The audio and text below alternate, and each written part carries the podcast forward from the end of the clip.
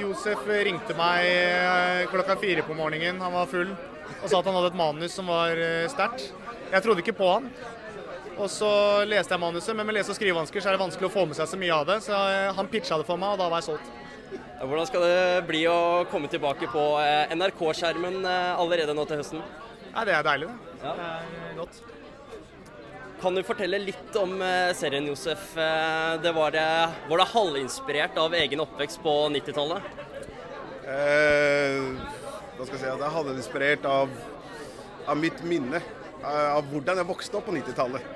Eh, så jeg, nå har jeg fått muligheten til å liksom skape ve veldig mye av det jeg husker med, på en humoristisk måte. Det syns jeg er gøy. For det er strengt tatt liksom, det er et brutalt miljø. Så det var det jeg vokste opp i. Men jeg var aldri en del av det sjøl, så bare det å kunne få lov til å se på det med et sånn type overblikk for meg er kjempegøy. Herman, har du eh, mange minner fra det glade 90-tall? Eh, Svært lite. Jeg er jo født i 92, så, men jeg husker litt av det. Jeg husker noen vage minner av noen Buffalo-sko og sånn. Så de har jeg jo fått eh, se igjen, da. Og det håper jeg aldri blir populært igjen. Du vet at jeg gikk med det? Jeg vet det. Men det er fordi jeg er 1,60? Ja, men jeg hadde gjort det samme selv. Det var fordi den karakteren som jeg, som jeg sitter og forklarer, er basically Herman. Og det, er, og det som er gøy med det, er at eh, 70% av innspillingsdagene så går jeg i truse, snorter kokain og får juling. Så Ja, for utenom det. Ok, Så vi snakker om det indre, ikke trusa, ikke leopardopplegget. ok? Det, glem det. Vi samler da eh, kjente norske vennepar i eh, studio som skal konkurrere i vennskap. Altså hvem kjenner hverandre best? Vi skal sette vennskapet på prøve. Det være seg alle Thomas og. Harald. Ja. Det være seg Sigrid og Lisa. Det være seg Annika og, og, og Martha. Mamra. og Martha Leivestad. Ja, det være seg mange kjente norske kjendispar. Petter Katastrofe, Staysman. Ikke sant? Kjenner de hverandre godt? Det får du vite nå snart. Ja.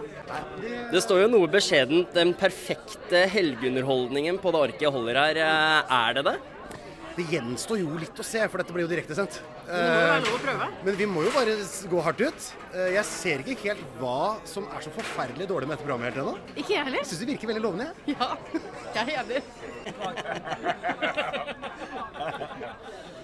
Deilig, altså På mange måter fantastisk, og på mange måter eh, ikke det. For det har vært tidvis skummelt, men det har vært utrolig deilig å koble av huet og bli plassert inn i et mysterie eh, på et, et lite sted i Nord-Norge. Og bare få lov til å leve ut den historien. Og mm, ja, det har vært et eh, Det er en klisjé, men eh, det har vært et eventyr.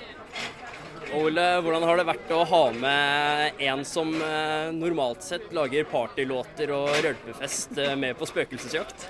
Ja, det har vært interessant.